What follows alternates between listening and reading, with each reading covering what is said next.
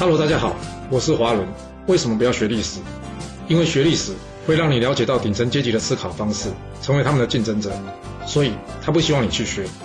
还有学历史会让你看到许多前人成功及失败的案例，你的竞争对手想要好好的睡个觉，所以他也不希望你去学。最重要的是，学历史会让你了解人性，你的老板以及同事都希望你保持天真的心，所以他们更不希望你去学。就是因为这些原因，接下来我要跟你说的是故事，而不是历史。今天的主题是啊，空降部队还是直升机式的升迁？我们刚刚在春秋第一百零一集故事中讲到，这孔子历经千辛万苦啊，终于得到楚昭王的赏赐啊，邀请他到楚国来当官。结果呢，被这楚国令尹公子申的一句话给搞砸了。正所谓啊，不招人妒是庸才啊。但身为主管，面对下面这种七嘴八舌的话，有时候你又不能完全不听。就比方今天故事中的楚昭王吧，他能不理会这令尹公子生的想法吗？不太可能吧，因为这令尹公子生可是帮过他很多忙的人呢，而且我相信呢，在朝中一定有很多他的势力啊。那结果什么？结果就是倒霉到了孔子，而他自己呢，则失去了一个人才。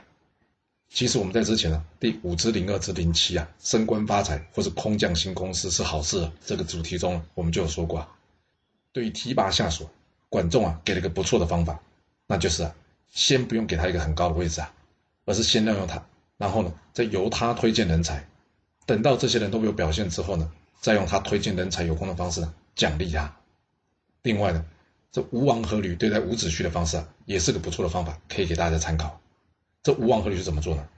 他先让这伍子胥啊成为客卿，换句话说，就像是现在的顾问了。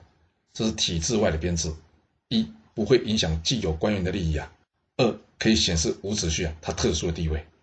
而等到这伍子胥确实有战功之后啊，再将他提升为相国，一来伍子胥确实有功啊，别人怎么样不好碎嘴啊；而二来呢，这伍子胥也到了吴国混了一段时间了，加上他地位特殊。其他大臣们多多少少会跟他有点交情啊，除非这伍子胥非常不会做人，要不然反对的势力也会小一点。有没有注意到，这些人呢处理这些方式是非常细腻的。很多老板常常空降高阶主管，或是用直升机升迁的方式来提升部署。若是是为了特殊的目的啊，比方说是裁员了，或者想要制造某种程度啊公司内部的竞争也就算了，但大部分的时间啊，都是老板觉得这个人有能力。或是说呢，他想要进行内部改革，不过啊，最后常常是啊，这样人事任命的结果啊，是政不同，人不和，就像这次楚昭王状况一样。虽然他想用孔子，结果最后怎么样，还是没办法用到。要是没有像秦孝公啊任用商鞅的决心，或是刘邦啊提拔韩信的气魄啊，我会建议啊，还是参考一下管仲或者阖闾的方式啊，因为这样的处理方式比较和缓一点。要不然，身为老板的你啊。就必须对下属掌握度极高啊，确定他们按照你的意思进行。这一次用人失败啊，换来的可能是下属们觉得呢，他可以左右你，左右公司改革或是发展前景。那你做该怎么办呢？想要真正的为自己的公司找到人才，除了给他优渥的条件，另外一开始啊，给他一个适合生存的空间也非常的重要。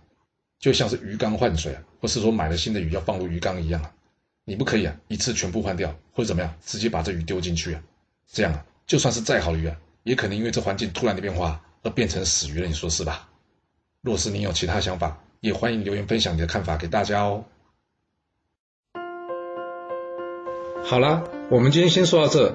如果你就是不听我的劝，想知道完整版的故事内容，你可以从说明栏找到我爱故事频道的连结。不过记住哦，你是来听故事的，而不是来学历史的。